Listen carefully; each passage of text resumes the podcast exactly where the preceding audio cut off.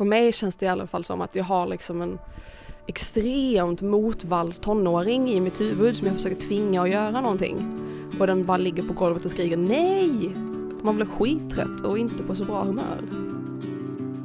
Du lyssnar på podden Nära dig från Region Jönköpings län.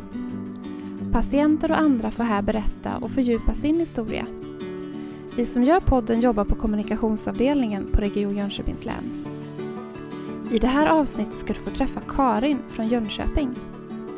För några år sedan fick Karin diagnosen ADHD samtidigt som hon utbildade sig till psykolog. Idag arbetar hon på en vårdcentral med att diagnostisera ADHD-patienter. Karin har med andra ord stor erfarenhet av ADHD, både på det personliga planet men också utifrån sitt yrke. Välkommen hit Karin. Tack så mycket. Eh, du har ju tagit dig hit från ditt jobb till Regionens hus och nu sitter vi här i ett konferensrum för att prata lite grann om dina erfarenheter kring ADHD. Vill du börja med att berätta, vem är du?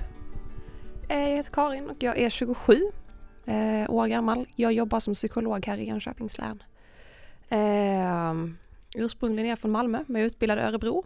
Så jag har varit lite varstans i Sverige än så länge. Eh, hur länge har du jobbat här i Jönköping? Snart två år. Vill du berätta lite grann, hur gick det för dig i skolan när du var yngre? Alltså, kunde du märka av någonting av, eh, liksom, kände du att, ja, hade du några misstankar kring att du hade ADHD då? Nej, det hade jag faktiskt inte. Jag fick inte de misstankarna förrän jag själv gick på psykologprogrammet. Alltså från och med 20 års ålder ungefär. Jag märkte eller jag började märka i, i gymnasiet att det var lite, vissa saker var lite svåra. Men jag tänkte aldrig i några diagnostermer. Utan det kom först senare. Hur gick det till när du fick din diagnos? Eh, jag hade haft de misstankarna då ganska länge under psykologprogrammet att jag hade ADHD. Eh, och då sökte jag själv till vårdcentralen för det är så vårdkedjan fungerar. Att man söker till vårdcentralen och där gör man en eh, typ screening där man träffar en psykolog eller jag träffade en psykolog i alla fall, jag tror för det mesta att man gör det. Eh, där man gör lite skattningsformulär och pratar några gånger. Och då valde de att skicka en remiss som kommer då till psykiatrin. Och sen är det väntetid. Det är det ju nästan överallt i hela Sverige. Är det väntetid och jag väntade i nästan ett och ett halvt år. Och sen fick jag påbörja min utredning då. Och utredningen visade att jag hade ADHD. Var det något speciellt, tänker jag, under din studieperiod som fick dig liksom att börja misstänka det här? Att du liksom, som du läste om eller som, du, som fick dig att börja tänka de här termerna? Ja, men dels var det ju såklart att vi läste om, om att jag fick, jag fick mer kunskap om ADHD i med min utbildning eftersom det var en del av utbildningen. Men framförallt så var det för att jag hade så oerhört svårt att koncentrera mig på föreläsningar och på kurslitteratur. Eh, jag flyttade ju hemifrån också då när jag påbörjade min utbildning eftersom jag flyttade från Malmö till Örebro. Och då upptäckte jag att det var liksom ihop med då att plugga och att sköta ett eget hushåll så blev det väldigt mycket som jag inte klarade av. Eh, glömde räkningar och sådana grejer liksom. Eh, det hade jag inte gjort tidigare eftersom jag inte hade betalt några räkningar när jag bodde hemma liksom. Eh, så det var många grejer jag upptäckte jag inte kunde hålla i huvudet liksom, inte klarade av. Ehm, och det var väldigt mycket tankar först kring att nej men det är bara jag, det är bara jag som är lat. Det är, det är bara att ta sig samman och liksom. Men efter, efter ett par år så kände jag liksom att nej men nu har jag gjort alla möjliga försök att ta mig samman. Det blir inget av det, det hjälper inte hur mycket jag än kämpar. Så har jag fortfarande svårt att koncentrera mig, fortfarande svårt att läsa kurslitteratur, fortfarande svårt att komma ihåg mina räkningar, få rutin på grejer. Så då, eh, ja nej, då fattade jag misstankar kan man säga. Mm. Och nu, när du fick det här, när du gjort den här utredningen och du fick liksom beskedet, hur tog du det då? Eh, det var både, både och precis i början. Det var ju lite, vad ska man säga, läskigt att få en diagnos på ett sätt. Men samtidigt var det också väldigt, väldigt, eh, en väldigt lättnad. För någonstans så fick jag ju svaret på att nej, jag är inte bara lat eller kass eller dålig på detta och detta utan så här, nej men jag har en annorlunda funktion som gör att jag har svårt med vissa saker. Och det var ganska skönt för då kändes det liksom som att det var inte så mycket mitt fel att jag inte lyckades så bra som jag ville. Utan det var liksom, nej men jag har svårt med vissa grejer och nu får jag försöka hitta sätt runt det liksom. Kände du att du fick hjälp då från, från start liksom med behandling och tips på hur du skulle hantera det här, den här diagnosen? Nej, alltså jag hade lite oflyt för att jag fick min diagnos precis innan min utbildning var klar. Och direkt efter att jag var färdig med utbildningen så flyttade jag till Jönköping. Så att jag påbörjade aldrig någon behandling eh, i Örebro utan det gjorde jag ju sen när jag kom till Jönköping lite senare. Eh, och där fick jag ju medicin. Men jag har inte fått eller efterfrågat någon annan behandling. Utan det har jag liksom tagit reda på själv vad man kan göra. Och vad, vad kan man då göra eh, utöver tänker medicinering och så? Mycket handlar väl om att försöka få till bra rutiner i vardagen. Det är ju jätte, jättesvårt för alla människor och ännu svårare när man har ADHD. Men med medicin så är det oftast kanske lite enklare eh, att försöka sova ordentligt, träna ordentligt. Eh, all form av regelbundenhet är liksom bra att ha. Eh, på jobbet handlar det mycket om att göra listor, alltså hitta ett sätt att strukturera mitt arbete så att jag har koll på vad jag ska göra och blir liksom lite motiverad och istället för att ha stora uppgifter så dela upp dem i mindre bitar så man kan checka av liksom. Lite sådana grejer. Mm. Så du har hittat ganska mycket egna verktyg också då som du anammar i vardagen så att säga? Ja, det får jag väl ändå säga. Sen finns det ju många Facebookgrupper och sånt med folk som har haft diagnos längre eller som har mycket tips och erfarenheter och sånt. Jag tänker i, idag så arbetar du ju själv med att eh, som sagt diagnostisera ADHD-patienter och jobba med utredningar av neuropsykologiska utredningar. Eh, vill du berätta lite grann, vad, vad jobbar du med? Vad, alltså, vad innebär det här konkret? Jag jobbar med att eh, utreda frågeställningar om ADHD och autism. Ibland är det båda diagnoserna, ibland är det den ena eller den andra. Eh, och på min arbetsplats så innebär det att jag gör intervjuer med patienter. Alltså djupintervjuer om deras symptom och deras livshistoria och hur de här symptomen har uttryckt sig under deras liv.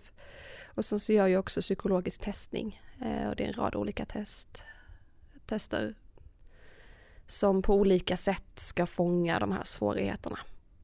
Eh, och sen sammanställer jag allt det och så diskuterar jag det med mina kollegor. Och då är det patienter i, i alla möjliga åldrar eller är det framförallt barn och unga eller är det, är det lite olika? Jag jobbar med vuxna. Mm. Så det är från 18 års ålder jobbar jag. Mm. Jag kan tänka mig då som i din yrkesroll då att, du, att det kan finnas en stor fördel såklart att du själv har den här diagnosen, att du lätt kan sätta dig in Men finns det, jag kan tänka mig, det finns både för, för och nackdelar. Vill du berätta lite grann om för och nackdelarna med att du själv har diagnosen när du jobbar med det här? Absolut. Um, en fördel, nu är det inte alltid jag berättar för mina patienter att jag har ADHD. Det ibland dyker det upp, ibland gör det inte.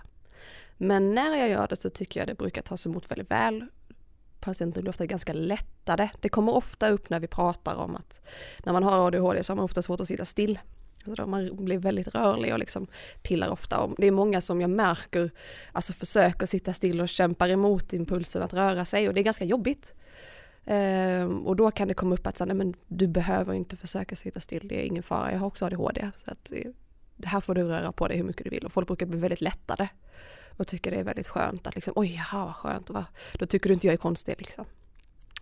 Eh, en nackdel med att ha ADHD och jobba med typ vad som helst egentligen, det är ju att det är svårare med att hålla struktur, att minnas grejer, att ha ordning på saker, att planera. Um, så jag vet inte om det är unikt för mitt yrke per se att det är liksom en nackdel att ha ADHD. Det är väl egentligen de flesta yrken kan jag tänka mig. Det beror lite på, man är olika. Mm. Jag tänker de patienterna då som kommer till dig eller de som kom, har sökt och, eller får en utredning, är det så att de ofta har själva misstanken om att de har ADHD? Ofta, ofta är det så. Mm. Inte alltid men ofta. Eh, och du beskriver själv det här med att det kan vara lite svårt för dig att det här med vardagssysslor och hitta rutiner och sånt. Kan du beskriva lite, när, vad är det som kan vara utmanande för dig i, i vardagen att liksom konkret? Alltså vad, vad blir extra utmanande för en person med ADHD? Ofta, nu är det ju olika för alla personer med ADHD, men ofta handlar det ju om att komma igång och slutföra. Det brukar vara väldigt svårt. Eh, så att påbörja tråkiga saker är ofta Alltså det är ju svårt för vem som helst att plocka upp något som man tycker är skittråkigt. Men liksom ta den känslan gånger hundra. Det är liksom så, det är liksom nästan fysiskt omöjligt att sätta igång med någonting som är tråkigt. Så städning och disk. Om man nu inte gillar att laga mat, alla sådana grejer är liksom det är så svårt att komma igång med så det finns ingen ände. Och när man väl har kommit igång med det så är det jävligt svårt att bli klart för att man kommer på något annat man skulle göra och så lämnar man något halvfärdigt eller liksom eller så tröttnar man och bara står inte ut längre och så skiter man i vilket. Eh, så blir det inte färdigt. Så både att, att komma igång med saker och avsluta dem är ofta väldigt svårt och för mig har det varit framförallt det att liksom få rutin på att komma igång med städning och disk och liksom laga ordentlig mat, jag kan liksom bli väldigt uppslukad av saker. Det är också ganska vanligt vid ADHD. Det kallas för hyperfokus. Att man hamnar och superfokuserar på någonting och då glömmer jag bort att jag är hungrig. Och så kommer man på det klockan nio på kvällen att jag inte har käkat någon middag. Jaha, det var ju skit. Och så kommer man på att jag har inte varit och handlat heller för det hade jag visst glömt så det finns ingen mat hemma. Så man ber sig iväg och handla klockan nio på kvällen och så blir det en färdig pizza och så blir inte det så bra. Och sen blir klockan skitmycket och så har man gått och lagt sig för sent igen. Det blir ofta liksom en ond cirkel av att man glömmer bort saker eller inte kommer ihåg och liksom svårt att planera. Svårt att veta hur mycket tid man ska lägga på saker eller så tänker man jag ska bara göra det här en timme och så plötsligt har det gått tre timmar och så har man inte märkt vad som har hänt. Har, har du liksom några praktiska tips? Då? Eller hur, hur hanterar du liksom, har du hittat några sådana life hacks? Skaffa en sambo. Eh, nej men eh, för mig så helt ärligt, nej, jag har inte kommit på något bra sätt. Det, det som funkar för mig nu det är att jag har en sambo och jag vill inte att min sambo ska lida för att jag inte har någon struktur. Um, så när jag har någon annan som är beroende av, liksom av att, eller som påverkas av mig, då ökar motivationen att komma igång med saker och då är vi dessutom två som kan hjälpas åt. Så då kan jag vara den som kommer och säger kom nu städar vi. För att jag orkar inte, jag vet att jag inte kan göra det själv. Jag kommer inte igång med det själv. Jag kommer inte göra det om det är bara jag. Men nu är vi ju två. Nu är vi två stycken som kan hjälpas åt och känns det inte lika jobbigt så får jag igång min sambo också så vet jag att det blir lite enklare och då, då blir det städat liksom. Och liksom, vi är två som hjälps åt att laga mat. Bördan blir mindre och då blir det mindre jobbigt. Det är fortfarande stegt att komma igång men om jag inte lagar mat så är det inte bara jag som inte som blir utan mat utan det är min sambo också. Det är liksom så det hjälper mig i alla fall att någon annan påverkas av min ostrukturerade vardag. Jag vet att du nämnde det här med att passa tider och sådär också, att det är också en utmaning, för, ofta för kanske patienter med ADHD. Mm. Är det också någonting som, som du jobbar med då i din vardag? Alltså det har nästan blivit tvärtom, för jag vet att jag har varit skitdålig på att passa tider tidigare i mitt liv. Så nu har jag sån ångest inför att göra det, så nu är det tvärtom, nu är jag alltid tidig istället. Att, för, för att jag vet att jag, jag är en tidsoptimist. Så istället för att åka liksom så jag kommer dit fem minuter innan så kommer jag dit en kvart innan. Det är lite allt eller inget. Antingen kommer jag inte i tid eller så kommer jag 20, en kvart, 20 minuter innan. Och se till att det liksom finns ordentliga marginaler. Jag tänker du, nu var det god tid till den här intervjun. Ja. Mm. det är bra. Eh, vilken, jag tänker, vilken hjälp får du av vården idag? Eh, det är ju framförallt att jag får min medicin. Och vad, vad, vad händer om du inte medicinerar? Vad, vad, hur känner du av det? Dels så blir jag eh, väldigt mycket mindre fokuserad. Jag är inte jättefokuserad med medicin heller. Men utan medicin så är det liksom fruktansvärt svårt att komma igång med saker. Även sånt som jag måste göra. Jag, jag får det gjort till slut. Nu är mitt jobb viktigt. Liksom. Det, andra personer är beroende av att jag gör ett bra jobb Eh, och andra personer, skulle jag inte göra ett bra jobb så kommer andra personer lida av det. Så jag får mina saker gjorda. Men istället för att jag har liksom ett, vad ska man säga, ett, ett ganska jämnt flow av arbetsuppgifter så blir det att jag gör allting på slutet eller att jag skjuter upp massa grejer eller att jag påbörjar något och så avslutar jag inte det och så får jag avsluta det senare. Att det blir liksom ofta att jag gör väldigt lite och sen måste jag göra väldigt mycket. Så jag gör väldigt lite och så gör jag väldigt mycket. Eh, och att det blir mycket svårare för mig. Det blir mycket, mycket, mycket jobbigare. Det tar ju extremt mycket energi att tvinga sig själv till att göra någonting. Jag brukar ibland beskriva det som att, eller för mig känns det i alla fall som att jag har liksom en, extremt motvalls tonåring i mitt huvud som jag försöker tvinga att göra någonting. Och den bara ligger på golvet och skriker nej! Och så måste jag tvinga den här människan att göra någonting. Det tar jättemycket energi. Man blir skittrött och inte på så bra humör. Och den här tonåringen kommer fram direkt egentligen, du märker av det här när du slutar medicinera, att det, liksom, det blir en försämring så att säga? Ja, för den här, den här ADHD-mediciner har direkt effekt. Så det är inte som antidepressiva till exempel att man sätter in den under en viss tid och sen så tar det några veckor innan den börjar ge effekt utan ADHD-medicin har direkt effekt. Eh, och då har den också ett direkt avslut. Så att man märker ju den när man, den, man tar den på morgonen och sen tar den 20 minuter, en halvtimme innan den sätter in. Och sen så verkar den i ett visst antal timmar och sen sätter den ut. Ehm, jag tänker, för det, det pågår lite grann det här med en debatt just nu eh, om det här med hur en kost till exempel kan påverka och fysisk aktivitet och sådär kan hjälpa också. Vad är din syn på det? Eh, kost, svårt att säga. Det vet jag inte mycket om. Däremot så är det ju vetenskapligt bevisat att regelbunden fysisk aktivitet har viss effekt på ADHD-symptom. Så det är någonting som man alltid rekommenderar till personer med ADHD att ha liksom en regelbunden fysisk träning där man ska få upp pulsen lite. Eh, vad heter han, Anders Hansen har skrivit en hel del om det. Och det är absolut sant.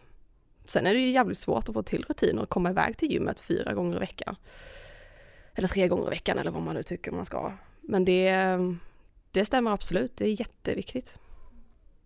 Och det gäller för alla åldrar, liksom. det är inte bara barn och unga utan det är även man får en diagnos senare i livet. Så. Absolut, det är för alla åldrar, det är för alla människor. Eh, regelbunden sömn ser man också är viktigt. Man har liksom regelbunden kost, regelbunden sömn, regelbunden fysisk aktivitet. Det gör ganska stor skillnad.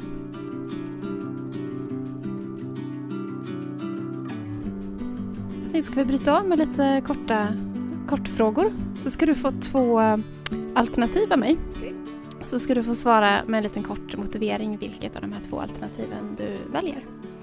Eh, om vi börjar med bok eller tv-serie? Tv-serie.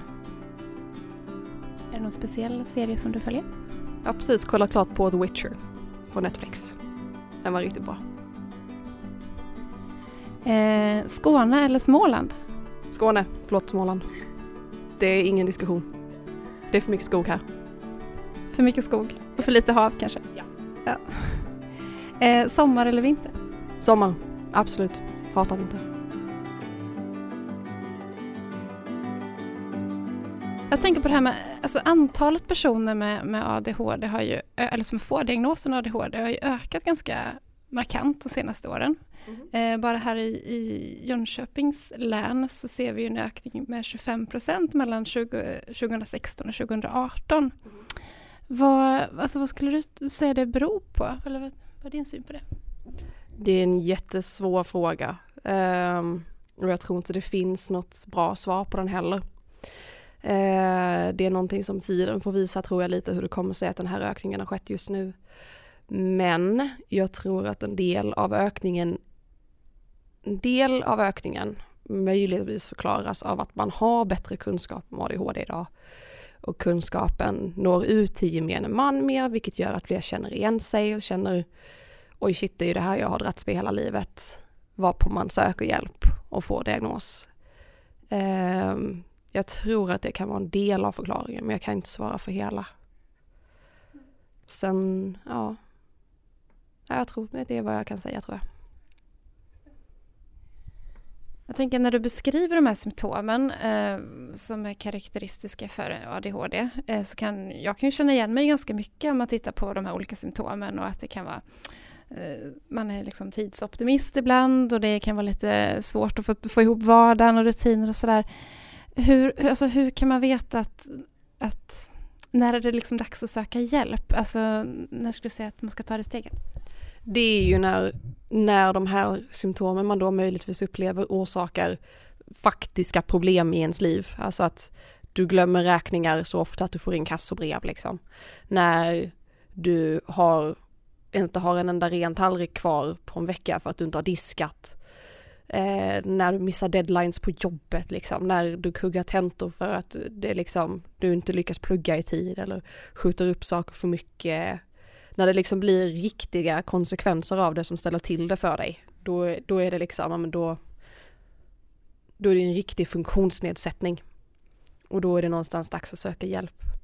Sen har ju alla liksom som har ADHD också, det kanske inte fallerar inom alla områden i livet. Vissa är ju så, så att de klarar att, men jobbet klarar de, för där lägger man all energi på att få det att gå ihop och så fallerar hemlivet totalt. Eller vice versa. Eh, så att det kan ju vara att man har liksom koll på en, en avdelning av livet men resten är bara totalt kaos. För att all energi går liksom åt till att hålla, hålla en grej flytande och sen så bara blir det totalt pannkaka av resten. Så kan det också vara. Men om man känner att man liksom tappar kontrollen eller man inte kontroll på någon av de här delarna i ens liv då, då är det dags att, att söka professionell hjälp. Det tycker jag absolut, för att då, det är inte kul att leva så, det är fruktansvärt jobbigt. Och då är det liksom, då ska man ju söka hjälp. Eh, jag tänker som ADHD känner nog de kanske flesta till lite grann vad det är för typ av diagnos och vad det är för, ja, vad det innebär. Men jag tänker det finns något som heter ADD också. Mm. Vad, vad är det för någonting? Vad är skillnaden mellan ADD och ADHD? Eh, ja. Nu ska jag bara se hur jag ska formulera mig här. Det beror lite på vilket diagnossystem man använder. Det finns olika diagnossystem för psykiatriska diagnoser. Det som är, mest, det som är vanligast i Europa är ICD-10, men det som används mest inom psykologi är DSM-5. Eh, tidigare var det två olika diagnoser, i dagens DSM-5 så är det samma diagnos. ADHD och ADD. Men vad som är skillnaden på ADHD och ADD, eh, det är att i ADD eh, så har man ingen hyperaktivitet. ADHD står ju för Attention Deficit Hyperactivity Disorder. Så där har man helt enkelt tagit bort hyperactivity. Det finns inte med utan man har bara den här ouppmärksamhetsstörningen. Eh, idag så säger man ADHD med huvudsakligen hyperaktivitet, ADHD med huvudsakligen eh, ouppmärksamhet eller kombinerad typ där man har båda. Så idag så är det egentligen samma diagnos. Och du, och du nämnde det här med hyperaktivitet eller hyperfokus, eller vad kallar du för? Någonting som du gör att du går in i någonting ganska speciellt. Ja, är det, det, men det är inte samma sak som hyperaktivitet? Och det... Nej, precis. Hyperaktivitet och hyperfokus är två olika saker. Hyperaktivitet är ju liksom det breda begreppet för att man har eh, väldigt mycket energi, man har svårt att sitta stilla, man är liksom väldigt överaktiv. Eh, och hyperfokus är en del av det. Eh, som gör att man kan bli extremt fokuserad på någonting kanske som man tycker är väldigt intressant eller väldigt uppslukande. Mm. Uh, och det är ett, ett vanligt symptom som dyker upp ganska ofta hos folk, personer med ADHD.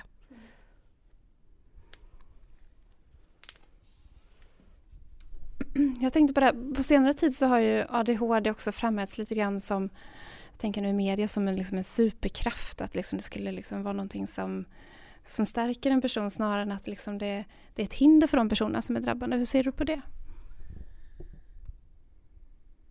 Ja, det kan säkert vara så för vissa att man upplever att den här, framförallt hyperaktiviteten tror jag man tänker på att man har väldigt mycket energi. Att det kan vara någon form av tillgång.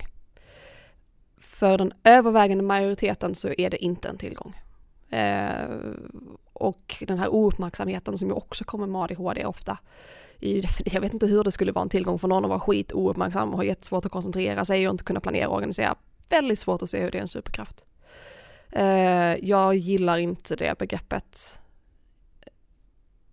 Jag tror att för de personer som upplever det som en superkraft så har man nog hittat väldigt bra sätt att anpassa sitt liv efter, sin, efter sina svårigheter.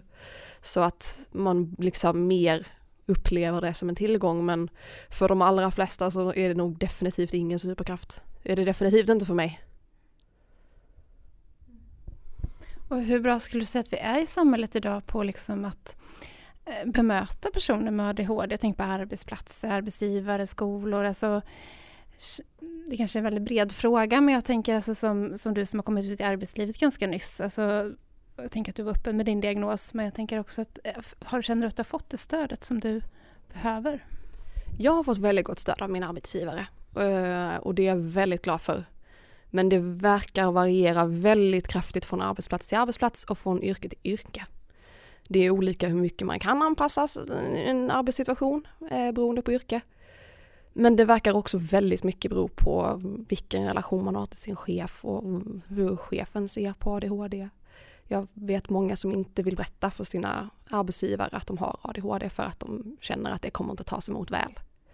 Så trots att, vad ska man säga, fler och fler diagnostiseras med ADHD och att kunskapen om det ökar, så kan jag inte säga att jag tycker vi har blivit bättre på arbetsplatser generellt att hantera ADHD, det tror jag inte.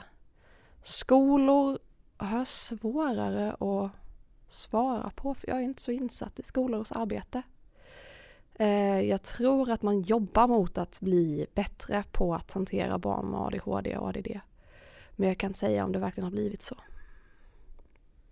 Jag kan tänka mig att det kanske finns en bild av att, att eh, ADHD, personer med ADHD kanske är ganska utåtagerande och kanske också lite, ja, men lite aggressiva och eh, som i skolans värld till exempel, att barn som är lite bråkiga och stökiga, att de, liksom, att de har ADHD. Um, ehm, stämmer det att det är liksom så att det, att det kan vara så att de är lite mer utåtagerande? Alltså det är väldigt, väldigt, väldigt olika. Um, vissa personer med ADHD har ju kanske ett snabbare temperament, alltså ett häftigare temperament för att man reagerar, man reagerar fortare på saker om man reagerar kraftigare på saker. Men det är definitivt inte sant för alla som har ADHD.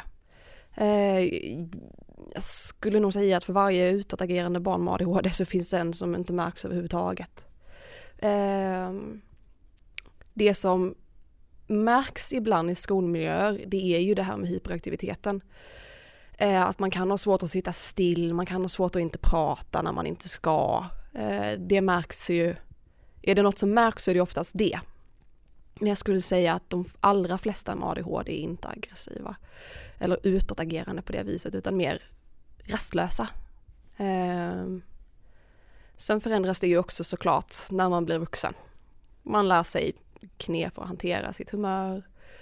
Eh, precis som barn, alltså barn utan ADHD också gör så lär man sig hur man ska hantera sitt humör.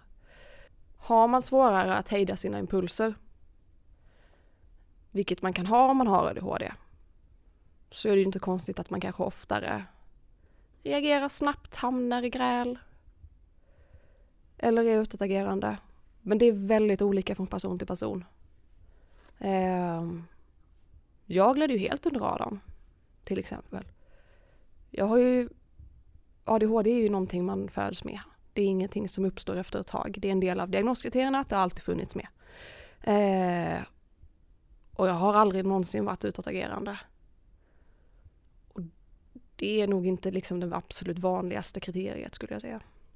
Hur, hur var din egen skolgång då? Hur, nu när du ser det utifrån ett annat perspektiv när du har liksom fått diagnosen um, och tittar tillbaka på din skoltid. Hur uh, upplever du den då? Jo, jag skyddades nog ganska mycket av att jag var väldigt, jag lärde mig saker väldigt, väldigt fort. Eh, och jag tyckte skolan var väldigt rolig.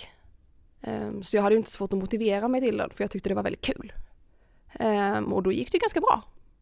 Um, men jag kommer ju ihåg att från, från liksom första klass så gungade jag alltid på stolen.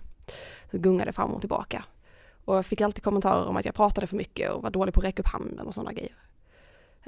Um, men eftersom jag var duktig i skolan och var en söt liten tjej så var det liksom inget som de tyckte störde för mycket liksom. Utan det, det klarade väl sig. Sen ju längre upp jag kom om man var tvungen att göra mer och mer grejer som jag kanske tyckte var mindre och mindre intressant så märkte jag ju att det tappade mycket fokus på grejer. Jag kommer ihåg från högstadiet att när lärarna hade genomgångar så satt jag längst bak och lyssnade på min iPod tills de slutade prata. För jag liksom hade inget intresse eller fokus nog att lyssna på vad de sa utan de slutade prata och då kunde jag göra mina uppgifter och sen när jag var klar med det fick jag gå. Eh, så gjorde jag det snabbt så, tjup, klar och så fick jag gå. Så det, det funkade ju. Eh, jag behövde inte plugga så mycket till prov för att klara mig. Så det gick ju ändå. Och sen när jag kom till gymnasiet så var det lite samma veva att jag gjorde, jag gjorde det jag skulle för att få det betyget jag ville ha. Vill jag ha ett MVG så bestämde jag mig för, ja men då gör jag de här grejerna och de här grejerna och de här grejerna och så fick jag mitt betyg. Eh, men jag, det finns liksom Det finns ett helt album på Facebook som mina kompisar har gjort där jag sover på diverse lektioner i gymnasiet. För att ibland var det bara för tråkigt och då somnade jag. Men igen, eftersom jag ändå klarade mig ganska bra så eh, jag vet inte, så uppmärksammade väl lärarna inte det eller tyckte inte det var viktigt att de tyckte väl att jag hängde med i alla fall. Så jag har ju klarat mig ändå liksom. Du måste ha haft extremt lätt för att lära dig och liksom hittat din egen teknik tänker jag då, plugga. Ja, ja men det har jag haft och det är ju liksom en, en, en enorm skyddsfaktor. Att hade jag haft svårare att lära mig så hade jag ju klarat mig väldigt, väldigt mycket sämre. Och då kanske det hade uppmärksammats tidigare också att så här, jag har jättesvårt att koncentrera mig. Mm. Um, så visst finns det, visst kan jag se eh, tydliga tecken redan från barndomen men jag har klarat mig i alla fall för att jag har haft tack och lov jättelätt för att lära mig. Jag tänker lite grann utifrån, nu hade du ganska lätt för att lära dig i skolan. Jag tycker att många som kanske har inte fått sin diagnos och som har svårt att lära sig kanske lätt hamnar lite grann på ja, hamnar lite snett i livet. Finns det liksom, är det överrepresentation bland de som kanske har ADHD som kanske hamnar i missbruk eller ja, ja, som hamnar snett i livet? Det finns en överrepresentation, det gör det. Eh, det handlar ju mycket om det här med kanske impulskontroll. Precis som du säger att om man då inte har jättelätt för sig i skolan som jag hade utan man har svårare så kommer skolan inte vara så rolig, då kommer det vara ännu svårare, kommer man ha svårt att få bra betyg. Man kanske inte är motiverad till att plugga vidare. Eh, man är impulsiv och tänker inte jättenoga på konsekvenserna när man gör saker det kan, det blir ju lite lättare snabbt fel med de svårigheterna. Så det finns ju en överrepresentation av, av eh, personer med ADHD som har kriminella beteenden, och som har missbruk. Sen är det ju såklart en miljon andra faktorer som spelar in när man hamnar snett i livet vilken samhällsklass man tillhör, vilken utbildning man får, var någonstans man går i skola, hur ens föräldrar reagerar. Det finns ju en miljard faktorer som påverkar det. Så det är ju liksom inte korrelationen ADHD och kriminalitet är ju liksom inte, det är ju ingen kausal, inget kausalt samband men visst finns det en korrelation. Mm. Kan, märker du bland de du träffar i ditt yrke att det finns liksom en överrepresentation där också då? Att de du träffar kanske ja, har haft det lite tufft förflutet och, och på senare år kanske, för du träffar ju vuxna framförallt då har jag förstått. Eh, ja, att de på senare år kanske har fått den här misstankarna. Alltså faktiskt inte så mycket. De allra flesta eh, har ganska ordnade liv. Men att man har ett jobb, man har liksom en sysselsättning och man har tagit sig igenom skolan. Men ofta med väldigt stora ansträngningar. Eh, och framför allt det jag märker det är väl att många som kanske hade velat plugga vidare inte har gjort det. För att man känner att ingen idé, jag kommer aldrig klara det. Det kommer inte gå. Eh, och så hamnar man kanske någonstans där man hade, man hade kanske velat vara någon annanstans. Men man upplever att man inte haft den möjligheten. Det är väl vanligare. Och vad skulle du säga är det som har gjort att de har liksom, för på något sätt har de ju sökt vård då, eller sökt hjälp då. Vad är det som liksom får dem att ta det? Det, det är klart det är olika från person till person, men alltså är det något, kan, ni, kan ni se något mönster där? Vad är det som gör att man får ta tag i det så att säga? Um, ofta tycker jag det är att man söker hjälp för något annat, alltså att man söker hjälp för stress eller ångest eller nedstämdhet. Och att personerna man träffar på vårdcentralen sen snappar upp att mm, det kanske är något mer. Alltså att det liksom vårdcentralen träffar de ju då kanske ofta en psykolog som snappar upp att oj, här verkar det finnas hyperaktivitet. Eller här verkar det finnas jättestora svårigheter med att upprätthålla vardagsrutiner och svårigheter att planera och organisera. Eh, sen är det också många som själv känner att så här, just det, det är många som, för ADHD är ganska ärftligt. Så det är många som när de får barn som diagnostiseras med ADHD börjar fundera på, men oj, är det inte detta jag också har? Det är ganska vanligt. Så man märker det först kanske på sitt barn och sen så gör kopplingen till att det kanske är det jag också har? Precis, att när barnen gör utredningarna och man börjar ställa de här frågorna, vad har ditt barn svårt med? Koncentration, uppmärksamhet, fokus. Så börjar man själv bara, jag har också svårt med precis de här grejerna. Och så tittar man tillbaka på sitt liv och säger att jag hade ju samma svårigheter i skolan och jag hade de här, de här svårigheterna och sen så söker man hjälp efter det. Liksom. Du säger att ADHD är ärftligt. Är det någonting som du också haft i din familj eller släkt? Så? Eh, det finns vissa drag som jag ser går igen i någon av föräldrarna. Det kan jag säga. Men det är ingen annan som har diagnos, det är bara jag. Jag tänker så här, avslutningsvis bara om, om du skulle skicka med något tips eller råd till någon som kanske går och funderar lite grann så att man känner igen sig i de här symptomen som du har pratat om nu. Att man liksom hyperaktivitet och, och svårt att få ihop vardagen och sådär. Vad, vad är ditt tips? Vad är ditt råd? Vad ska man göra då? Sök en utredning. Alltså om du känner att du har problem med de här sakerna, att det, att det orsakar svårigheter för dig i vardagen. Gå inte runt och lid. Sök hjälp för att det kan bli så oerhört mycket bättre. Det, ehm, det finns bra hjälp att få. Och att gå och liksom slita och lida i onödan är bara så onödigt. Sök en utredning. I värsta fall så, så här, eller värsta fall, det kanske inte visar någonting. Det kanske visar någonting, då vet man. Och då kan man få bättre hjälp. Och då söker man sig till sin vårdcentral i första hand? Då vänder man till sin vårdcentral och säger att man misstänker att man har ADHD. Jag tycker att du är ett väldigt bra exempel på att det, det går att kombinera ett professionellt liv och den här diagnosen också. Absolut, det går. Det är inte så jävla lätt alltid, men det går. Tack så jättemycket för att du ställde upp i den här podden. Och tack för att du har lyssnat på podden Nära dig från Region Jönköpings län. Jag som är intervjuad heter Anna Lindman och det är Alexandra Svedberg som har producerat. Har du synpunkter eller tips, hör av dig till oss på mejladressen kommunikation.rjl.se